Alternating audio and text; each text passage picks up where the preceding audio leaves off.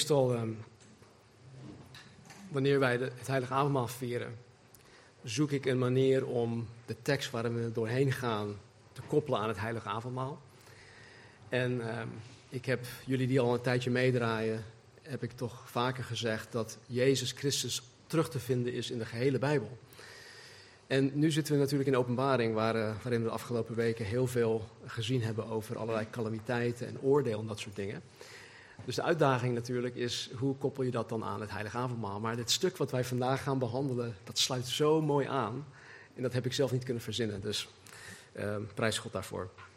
Nou, vorige week hebben we gezien dat uh, er tijdens de periode van de verdrukking een Joodse tempel in Jeruzalem zal staan. He, dus waar er momenteel op de Tempelberg geen Joodse tempel staat, zal er een tempel staan. De antichrist zal het Israël mogelijk maken om deze tempel te bouwen en hij zal het mogelijk maken om de offerdiensten van het Joods volk te herstellen. Um, God ziet dat natuurlijk als uh, overbodig, want Jezus Christus is het ultieme offer geweest en na Jezus Christus hoeft er niet meer geofferd te worden. Dus dat is eigenlijk, uh, heeft dat geen zin wat, van, vanuit Gods oogpunt.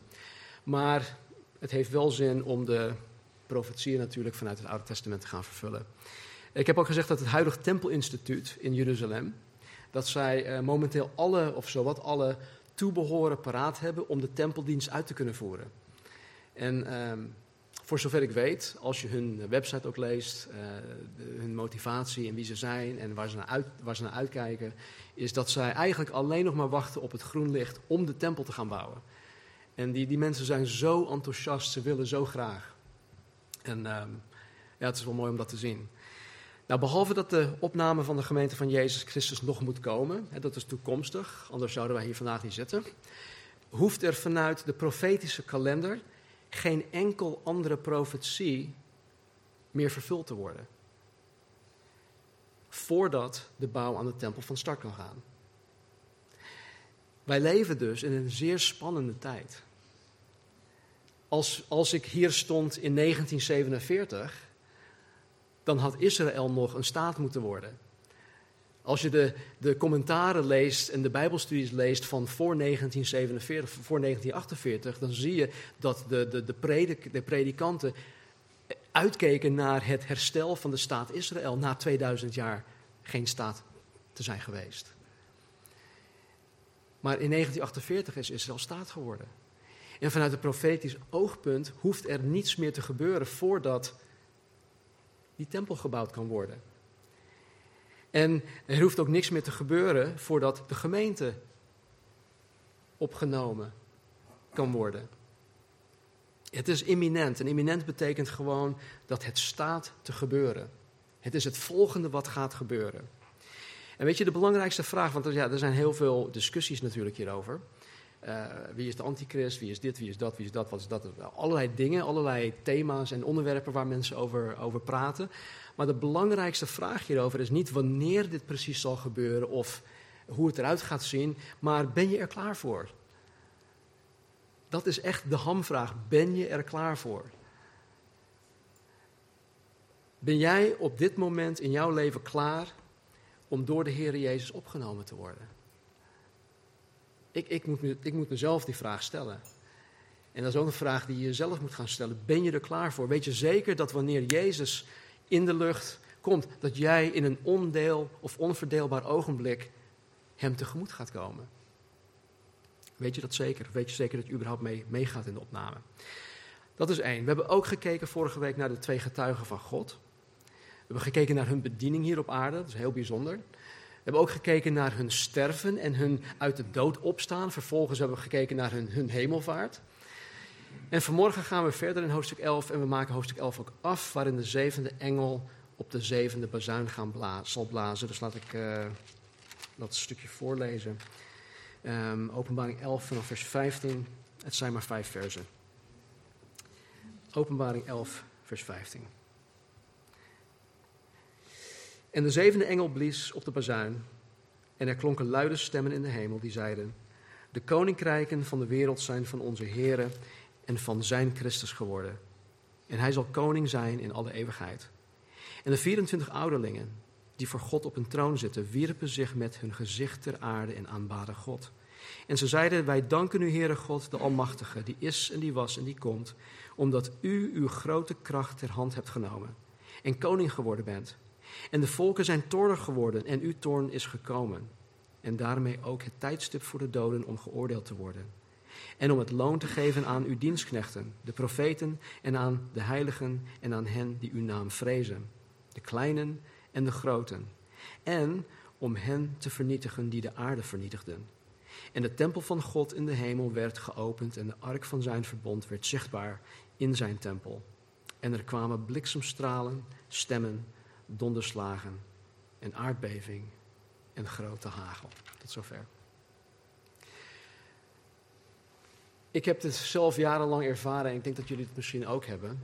Maar als, je, als, als men openbaring leest, dan kan het lijken op een, op een wirwar van losstaande gebeurtenissen.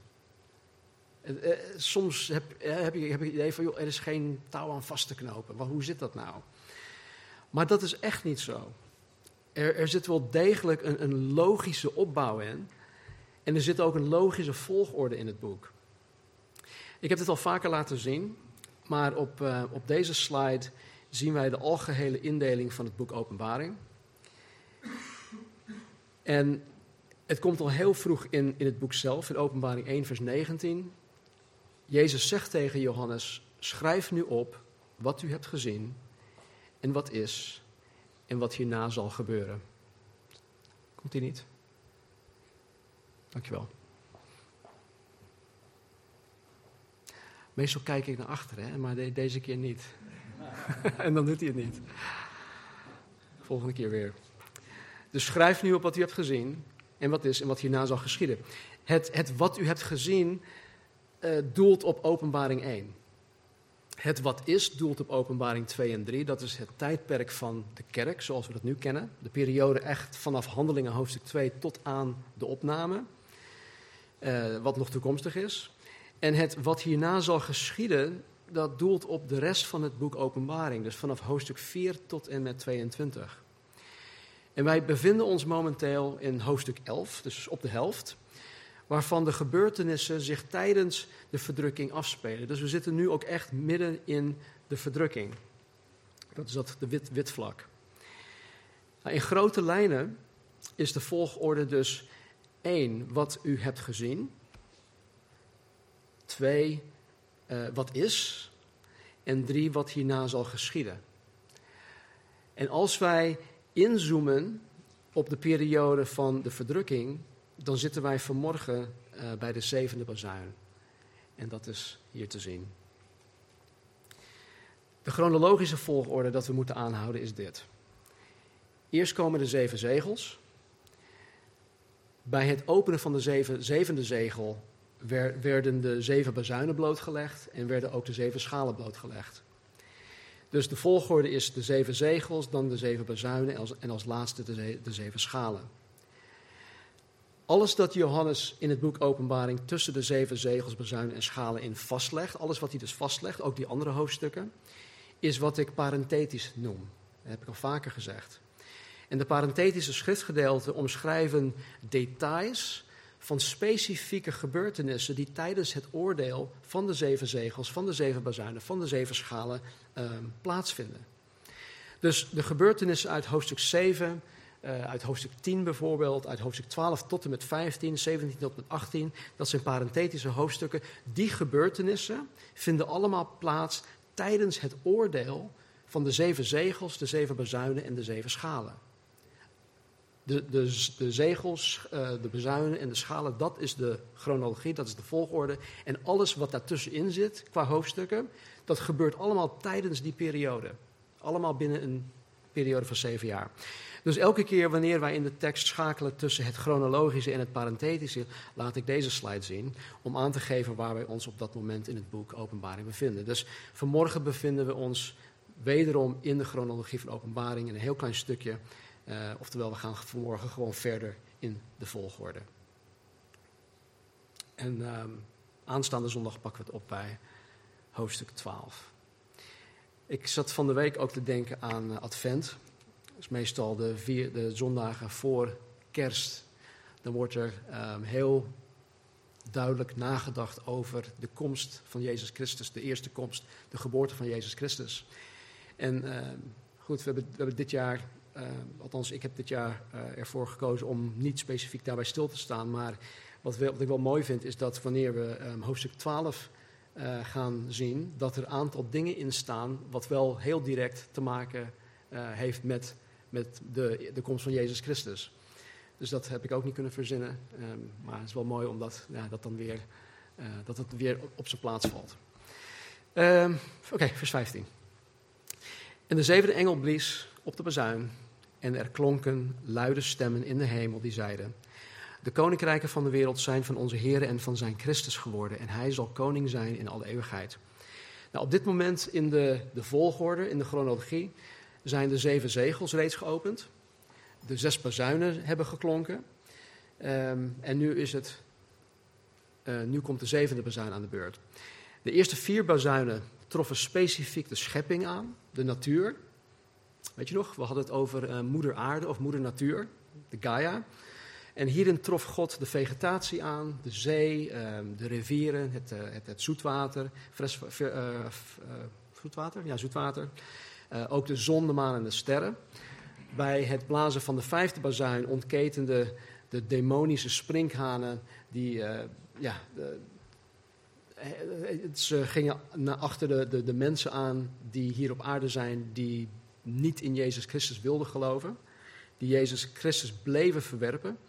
Um, en voor vijf maanden lang, dag in en dag uit, uh, pijnigden deze demonische sprinkhanen deze mensen. En het was zelfs zo erg dat uh, mensen dood wilden gaan, maar niet dood konden gaan. De dood ontsnapte hun. De zesde bazuin ontketende een demonisch leger van 200 miljoen strijders, demonische strijders, die een derde deel van de wereldbevolking vernietigde. En dan staat er dat zelfs de mensen die dan overbleven, die bleven, die bleven God verwerpen. Ze wisten dat God genadig was om hun alsnog te kunnen redden, maar ze bleven God verwerpen. En nu zijn we dus bij de zevende en de laatste bazuin aangekomen. En hier zien we in vers 15 dat bij het blazen op de bazuin luide stemmen, weer luide stemmen in de hemel klonken die zeiden: De koninkrijken van de wereld zijn van onze Heren. Dat doelt echt op God. En van zijn Christus geworden, dus van zijn gezalfde, Jezus. En hij zal koning zijn in alle eeuwigheid.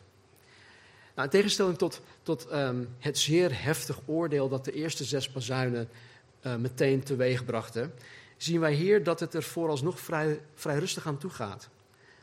Maar wat wij moeten uh, zien of onthouden is dat in deze vijf versen, dit is het openen of het blazen van de zevende bazuin.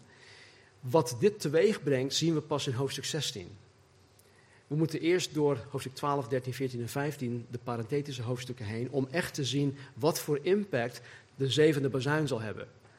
Maar goed, dat zien wij dus over een aantal weken. Weken, ja.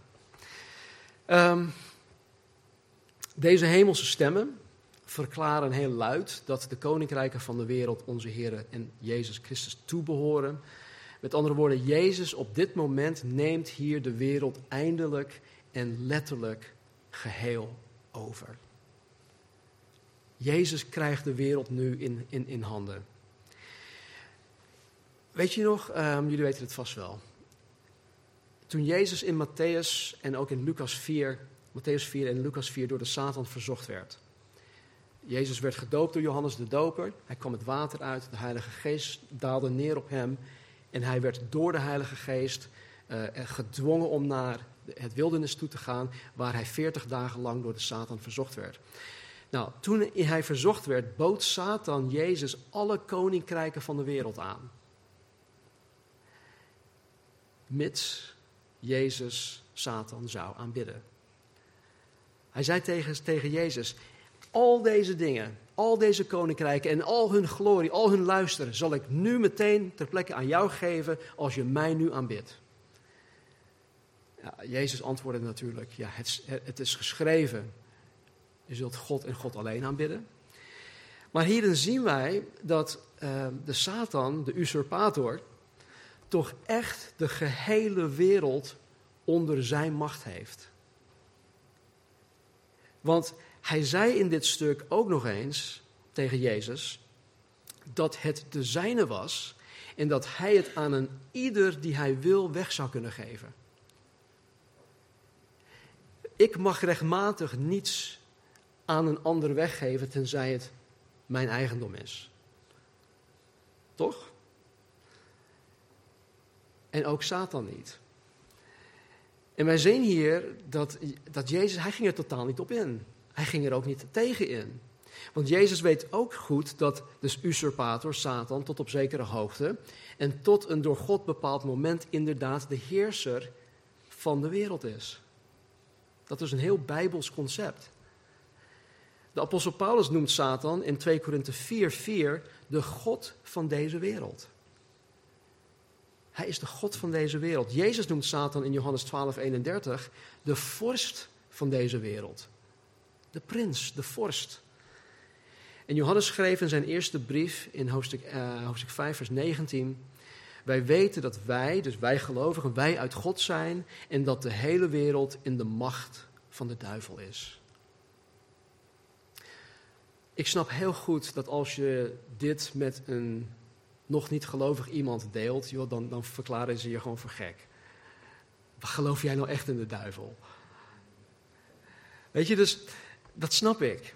Maar dit is wat de Bijbel ons leert. En als je eenmaal wedergeboren bent, dan, ga je, dan krijg je een ander wereldbeeld.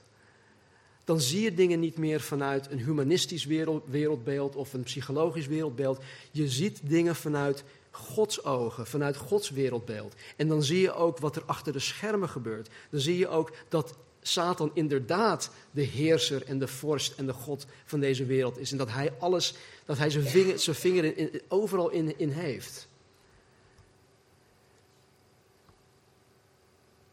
Er zal in de toekomst dus een moment aanbreken dat Jezus Christus als rechtmatige eigenaar van de wereld de heerschappij over de wereld in eigen handen zal nemen.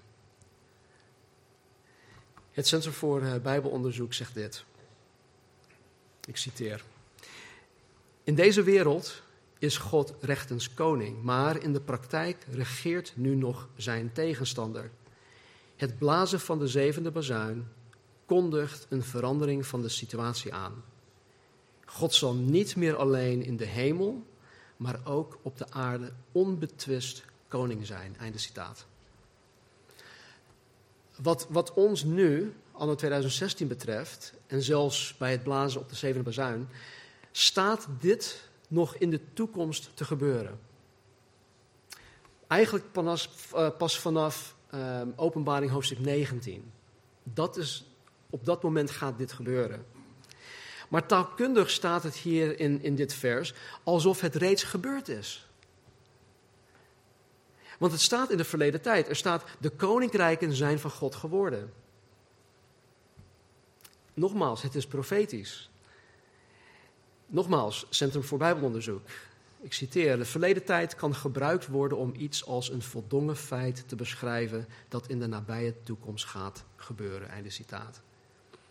Weet je, en dat is dan het zekere, dat, dat, het zekere van Gods woord. God kan het zeggen alsof het al gedaan is.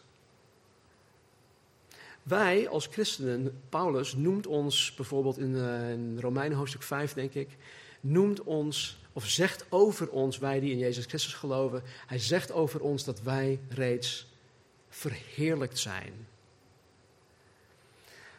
Weet je, als ik, als ik in de spiegel kijk, dan, dan zie ik iemand verre van verheerlijkt.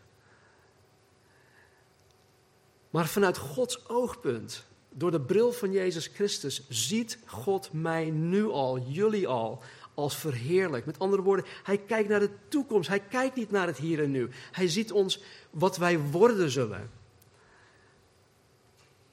Wat een geweldige bemoediging dat is, om, om te weten dat er een moment zal komen dat ik, dat jullie verheerlijk zullen gaan worden. Dat we geen, noem maar op, Alles waar je last mee hebt, of alles waar je last van hebt, alles wat je naar vindt in dit leven, dat zal voorbij zijn.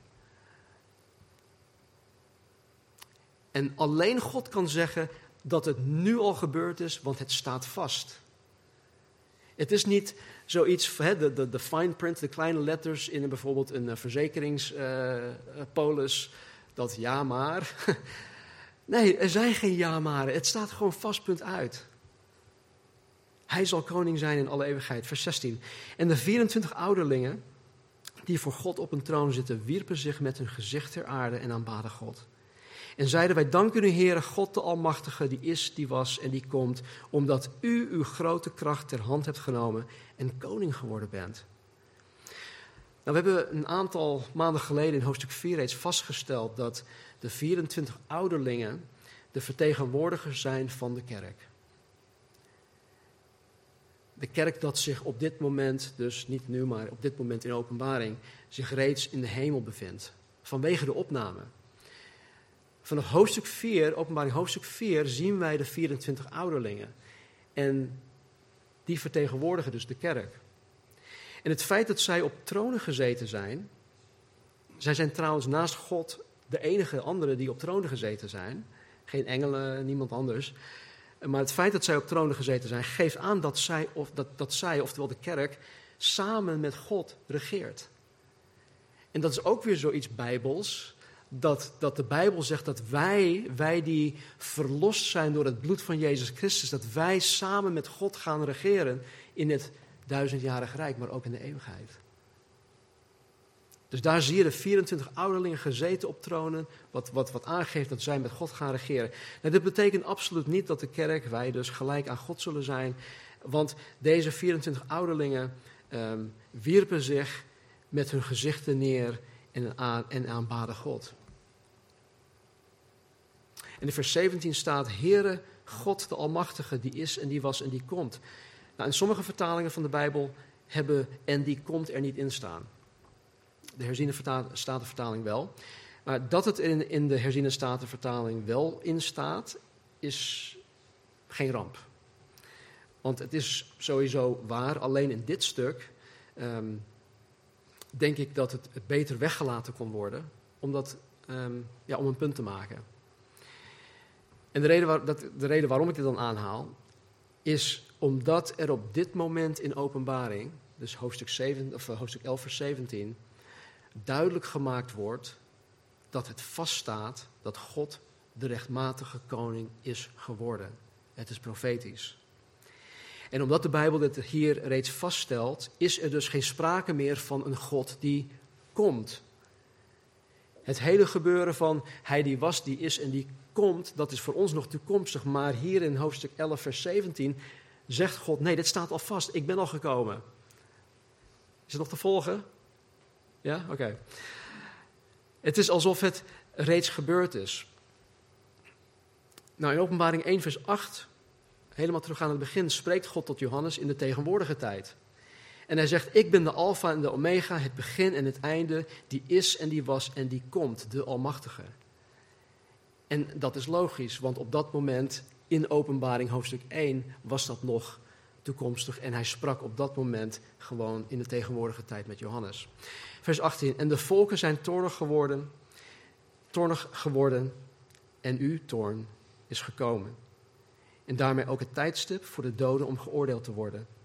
En om het loon te geven aan uw dienstknechten, de profeten, en aan de heiligen en aan hen die uw naam vrezen, de kleine en de groten. En om hen te vernietigen die de aarde vernietigden. Het is niet niets hè, dat, dat God de wereld weer in zijn bezit neemt.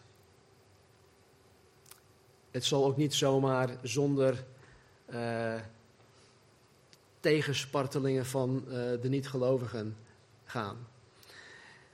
En doordat God de wereld weer terug in eigen handen, in eigen bezit zal nemen, is enerzijds de hemel extatisch. Ze aanbidden God, de kerk die, in, die reeds in de hemel is, die, die, die werpt zich neer voor de troon en die aanbidt God. Dat is aan de ene kant.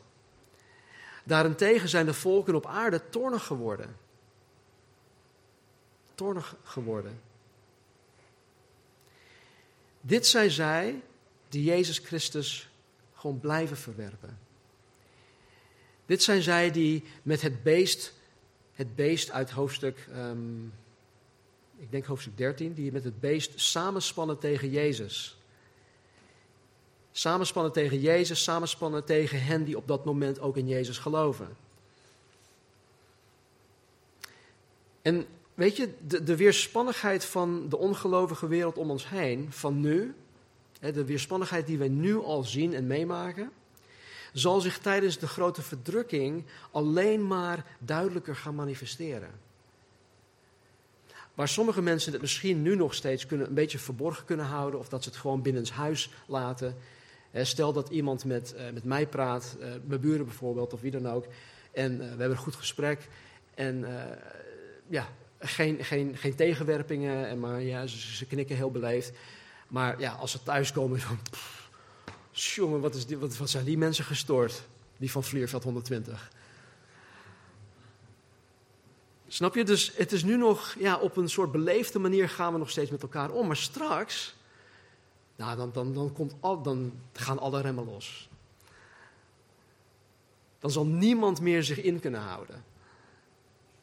Die weerspannigheid, dat wordt alleen maar duidelijker. En in plaats van dat men zich te midden van alle calamiteiten tot God gaan bekeren, verzetten zij zich straks als nooit tevoren. En dat is zo ontzettend triest. Maar vergeet niet, deze dingen komen op aarde enerzijds om de goddelozen te veroordelen, maar anderzijds om mensen alsnog tot God toe te trekken. Jullie, jullie weten wat olijfolie is. En olijfolie komt tot stand door die olijf gewoon te persen en echt tot het uiterste te persen. En deze, deze, deze periode van de verdrukking moet je ook zo zien dat God de mensheid dusdanig perst om zoveel mogelijk, zoveel mogelijk gelovigen uit de wereld te persen. Dat doet hij nu ook door middel van ons getuigenis. Maar straks nog meer, op grotere schaal. Nou, deze vergelijking wat ik nu, wat ik nu ehm, maak, die gaat eigenlijk mank. Maar ik wil het toch, toch, toch vertellen. Het toornig volk kan een beetje eh, worden gezien als mensen die zich in een kraakpand ophouden. Kraakpand of mensen in een kraakpand ehm, die dan toornig worden wanneer ze of wanneer de rechtmatige eigenaar van dat pand hun eruit wil zetten. Ik, ik heb wel eens beelden gezien op journaal, niet alleen hier in Nederland, maar ook op andere plekken, dat men zich ophoudt in een kraakpand voor whatever time, uh, tijd, uh, dat maakt niet uit.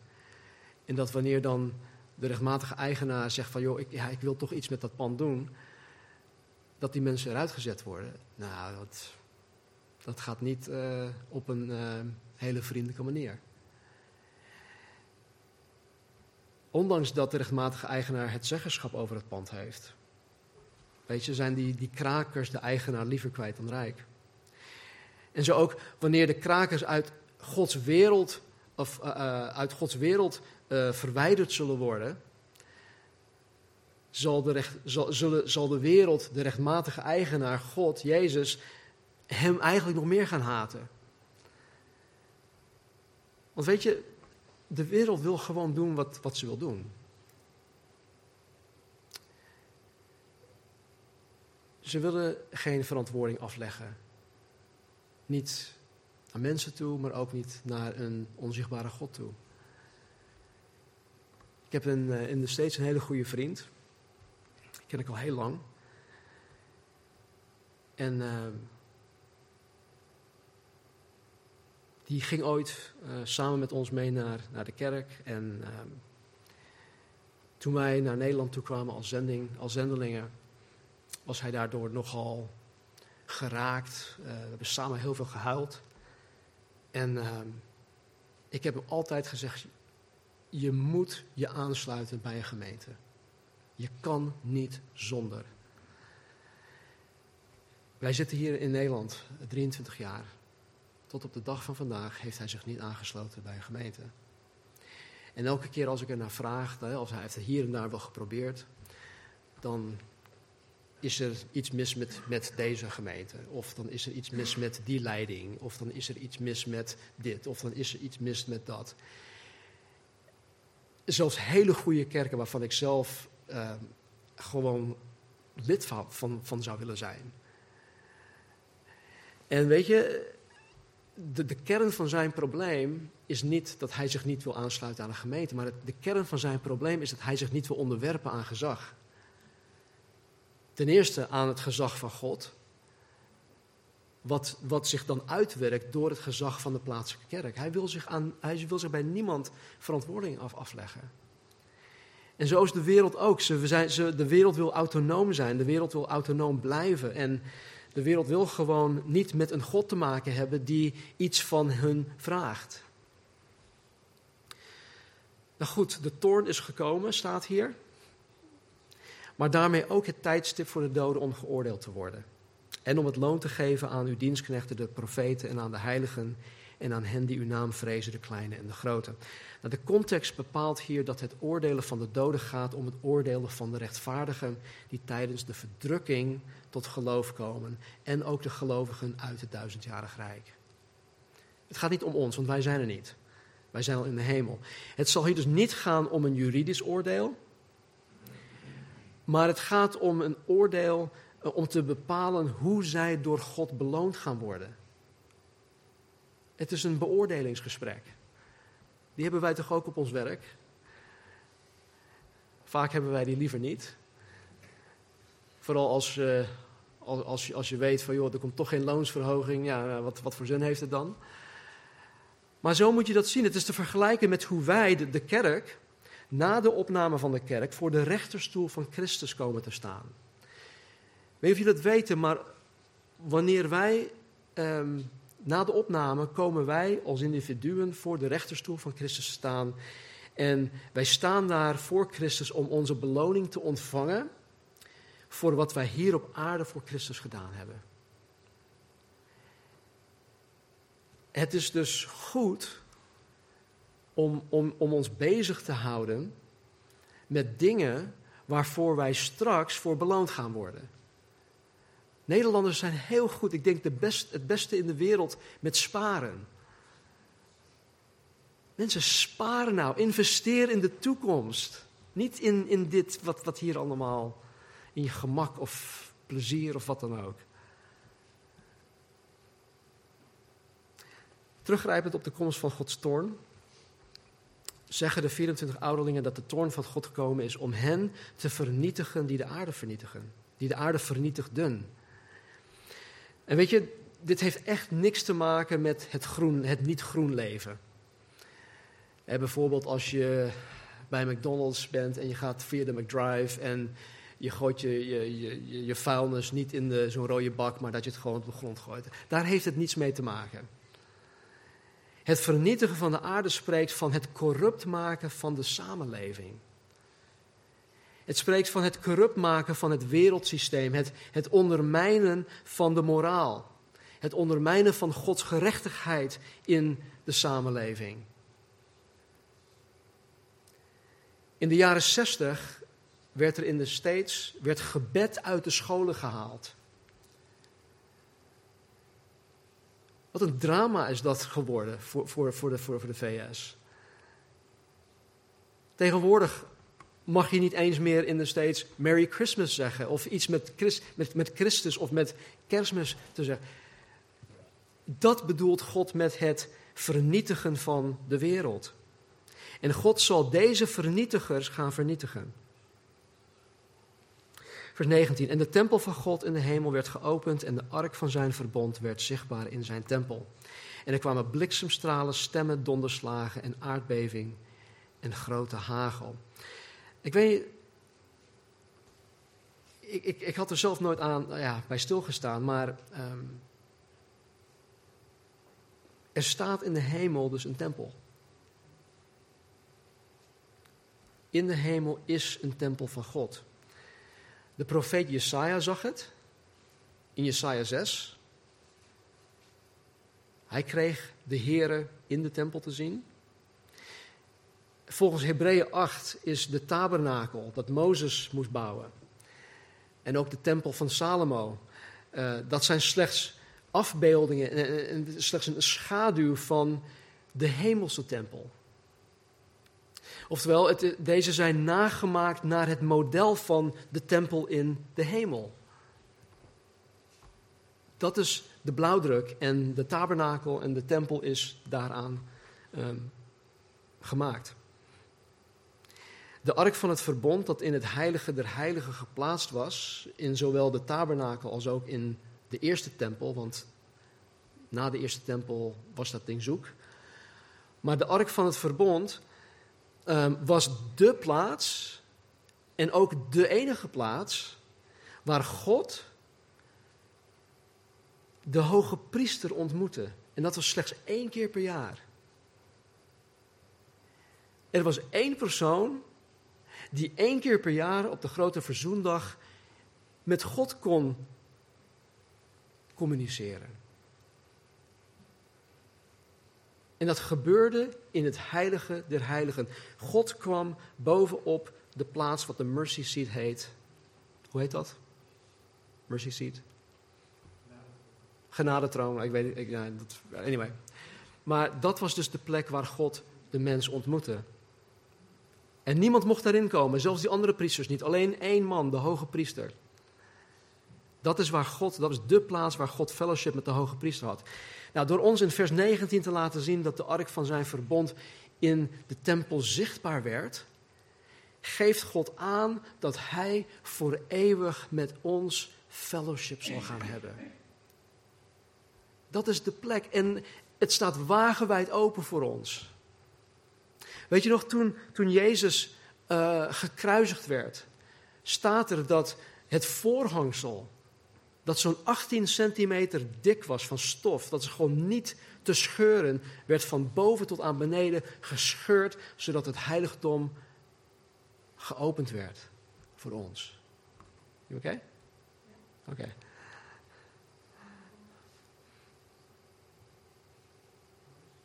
Anders gezegd betekent dit voor ons wij die Jezus Christus navolgen.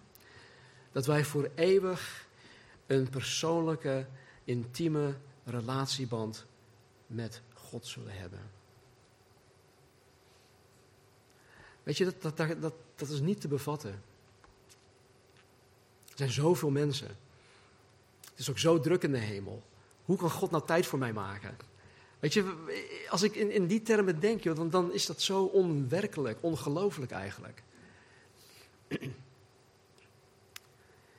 En dit is alleen mogelijk gemaakt doordat Jezus Christus 2000 jaar geleden naar de aarde toe was gekomen om voor onze zonde aan het kruis te sterven en vervolgens uit de dood was opgestaan.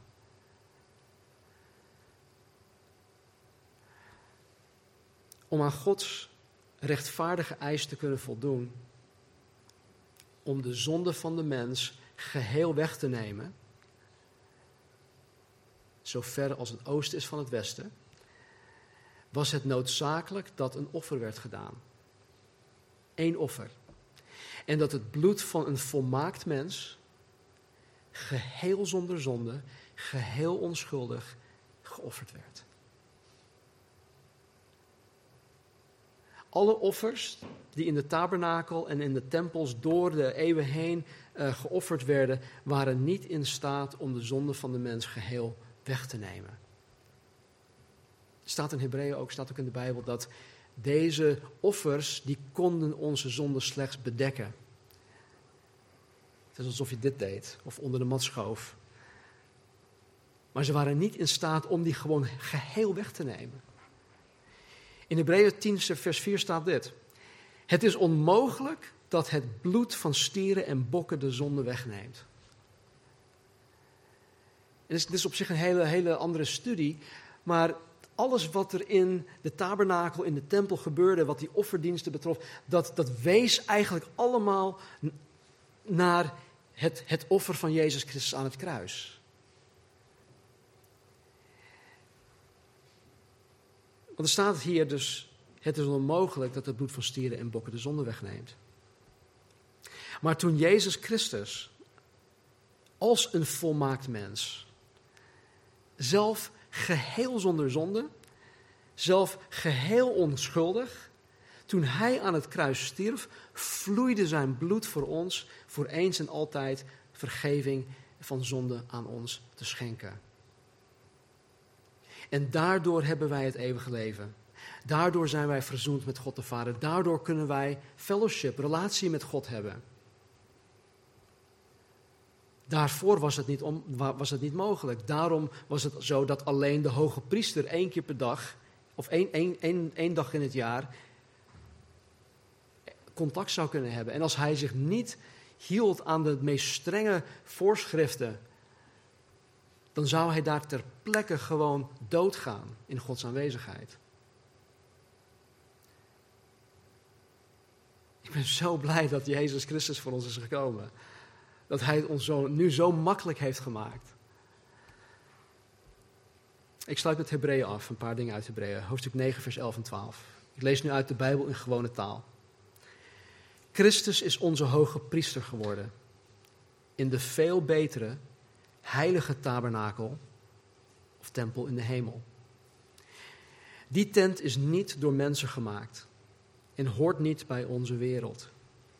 In die tent in de hemel heeft Hij gezorgd voor alle goede dingen die nu gebeuren. Christus is daar voor eeuwig de allerheiligste ruimte binnengegaan. Hij bracht zijn eigen bloed mee als offer voor God, in plaats van het bloed van offerdieren. Zo heeft Hij ervoor gezorgd dat mensen voor eeuwig gered kunnen worden. Dat is zo ontzettend mooi. Jarenlang, hè, toen, ik, toen ik pas begon te snappen wat het kruis inhield en ja, Jezus is voor me gestorven, snapte ik er helemaal niks van. Maar nu ik het, het heel offersysteem begin te snappen, begrijp ik ook hoe belangrijk het was dat Jezus Christus zijn eigen bloed aan God moest offeren. Hij is de enige die dat kon doen. Hij is de enige die voldeed aan de strenge eisen van God. Er staat in Hebreeën 10, 11 tot met 14 dit. Nogmaals uit de Bijbel in gewone taal. De Joodse priesters brengen elke dag dezelfde offers. Die offers kunnen de zonde nooit wegnemen. Maar Christus heeft één offer gebracht waarmee hij de zonden wel wegnam. Christus zit nu voor altijd aan de rechterhand van God. Daar wacht hij tot al zijn vijanden diep voor hem zullen buigen aan het einde van de tijd.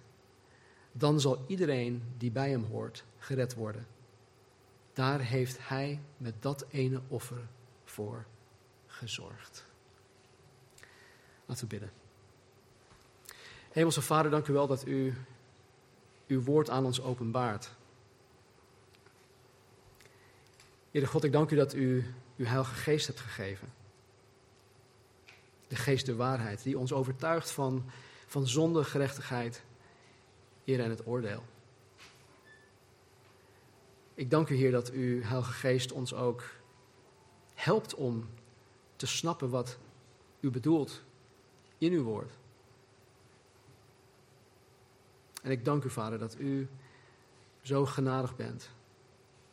Heer, zelfs in de periode van de verdrukking en de grote verdrukking, dat u alsnog zo graag wil dat mensen tot geloof komen, tot mensen tot bekering komen, dat mensen gered zullen worden. Zelfs in het Oude Testament zegt u, waarom, waarom wil jij sterven? Waarom wil jij verloren gaan? Keer je toch tot mij.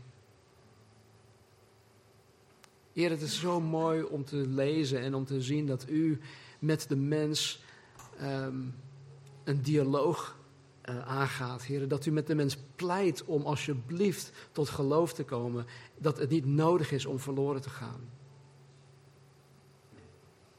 En ik dank u dat u dat vandaag de dag nog steeds doet, heren. Dank u voor de kansen, voor de gelegenheden. Heren, om onszelf aan u over te geven. Opdat wij daadwerkelijk, heren, tot leven zullen komen. Opdat wij met ogen zullen zien hoe het leven daadwerkelijk in elkaar zit.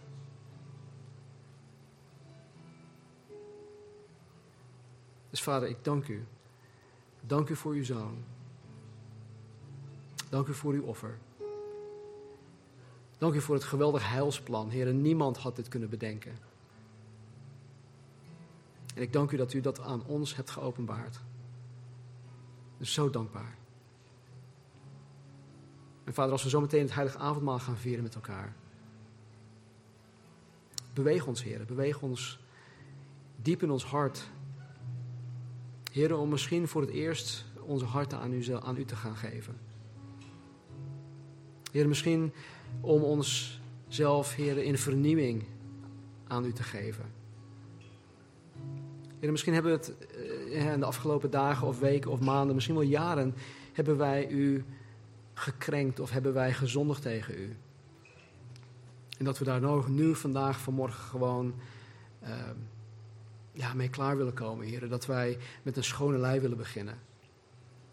U biedt ons daartoe de mogelijkheid en ik dank u daarvoor. Dank u wel, Jezus, dat uw bloed ons witter dan de sneeuw kan maken. Heren, dat u ons onze zonde weg kan nemen, heren. Zo ver als het oosten is van het westen, heren. Dat u ze zelfs niet eens meer um, weet dat wij gezondigd hebben. Dat u ze niet meer tot herinnering kan brengen. Dat u ze gewoon vergeet. Help ons ook, heren, om onze eigen zonden op die manier en elkaar zonden ook te vergeten. En te vergeven. Want Jezus, het gaat uiteindelijk alleen maar om u. Dus Heer, beweeg onder ons, Heer, door uw geest. Laat uw glorie zien.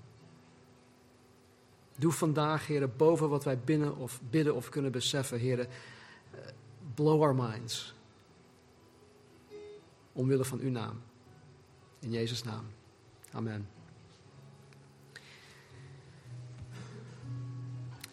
Matthäus hoofdstuk 26 lezen wij dat Jezus het Pascha-maaltijd met zijn discipelen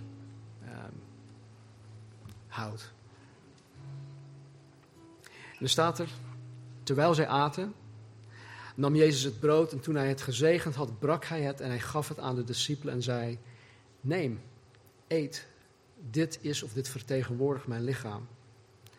Hij nam ook de drinkbeker en nadat hij gedankt had, gaf hij hun die en zei, drink allen daaruit, want dit is mijn bloed, het bloed van het nieuw verbond, dat voor velen vergoten wordt tot vergeving van zonde. En dan komt het. Ik zeg u dat ik van nu aan de vrucht van de wijnstok, oftewel wijn, niet zal drinken tot op de dag wanneer ik die met u opnieuw zal drinken in het koninkrijk van mijn vader. Het is zo ontzettend gaaf hè, dat, dat Jezus, wetende dat hij binnen enkele uren gearresteerd zou worden, dat hij gegezeld zou worden, dat zijn hele rug opengeslagen zou worden, dat hij gekruisigd zou worden, dat hij, wetende dat, hij dit, dat dit allemaal voor hem lag, dat hij verder keek naar het moment dat hij samen met ons het wijn van de wijnstok zal drinken in het koninkrijk van zijn vader. Weet je, ik, ik drink heel weinig wijn. Dat, dat, dat, ja, ik, ik drink gewoon heel, heel weinig wijn. Maar als ik het drink, dan drink ik het niet zomaar met Jan en Alleman. Ik drink liefst een glaasje wijn met, met Marnie. Gewoon bij het eten. Of gewoon gezellig als we een moment hebben om, om gewoon samen lekker te, te kletsen ergens of, of, wat dan ook. Maar het, het is vooral de persoon en de relatie die ik heb dat het drinken van wijn zo bijzonder maakt. Voor mij dan, voor mij persoonlijk. En ik zie dat dan ook terug in Jezus. Jezus zegt, weet je wat? Ik onthoud mij helemaal van het drinken van wijn totdat jullie weer bij mij zijn. En dan zien we in openbaring hoofdstuk 19 en 20 het bruidsfeest. de reunie van de kerk samen met Jezus Christus. En dan wordt het eindelijk feest. En dan gaat Hij opnieuw wijn drinken met ons. Het gaat echt om relatie. Het gaat niet om, eh, om wetten en regeltjes en, en uh, verboden en geboden houden. Nee, Jezus wil een persoonlijke relatie met ons en Hij wil met ons een glaasje wijn drinken. Zo mooi. Hij kijkt er nu al naar uit om samen met ons nieuwe wijn te drinken in het koninkrijk dat komen gaat bij zijn wederkomst. Kijk, als je vanmorgen voor eeuwig van al je zonden vergeven wil worden, beken gewoon dat je een zondaar bent. Geloof ook dat Jezus Christus daadwerkelijk voor, jou voor jouw zonde gestorven is. Bekeer je ook tot God. Beken gewoon of dat, dat, dat je je oude leven af moet leggen. Dat je je oude leven de rug toekeert. En dat je nu ook voor God gaat leven. En als je dat vanmorgen doet, voel je vrij om deel te nemen aan het heilige avondmaal. Er is maar e- eigenlijk één voorwaarde. Eh, we doen niet moeilijk met lidmaatschap of dat soort dingen, of als we je niet kennen. Maar voor mij is de enige voorwaarde voor het, deel, het deelnemen aan het heilige avondmaal... is dat je een wedergeboren christen bent. En dat wil zeggen dat je Jezus navolgt, dat je hem lief hebt en dat je in hem gelooft. En niet per se in die volgorde. Dus neem zo meteen ook een moment gewoon vanuit je stoel om met God te praten. Misschien heb je wat dingen op te biechten. Niet aan mij, maar aan God. Maak wat dingen goed. Maak vandaag ook een commitment, misschien een nieuwe commitment aan God. Misschien heb je dingen fout gedaan in het verleden. En zeg, nou, ik wil vanaf dit moment, Heer, gewoon met een schone lei beginnen. Help me erbij. En wanneer je er klaar voor bent, kom en neem deel aan het heilige avondmaal. André en Peter die gaan nu een aantal liederen zingen. En wanneer we klaar zijn, zullen we denk ik ook gevraagd worden om weer te gaan staan en samen te gaan zingen. En dan zal ik nog uh, afsluiten met een zegen. Ja, schroom niet.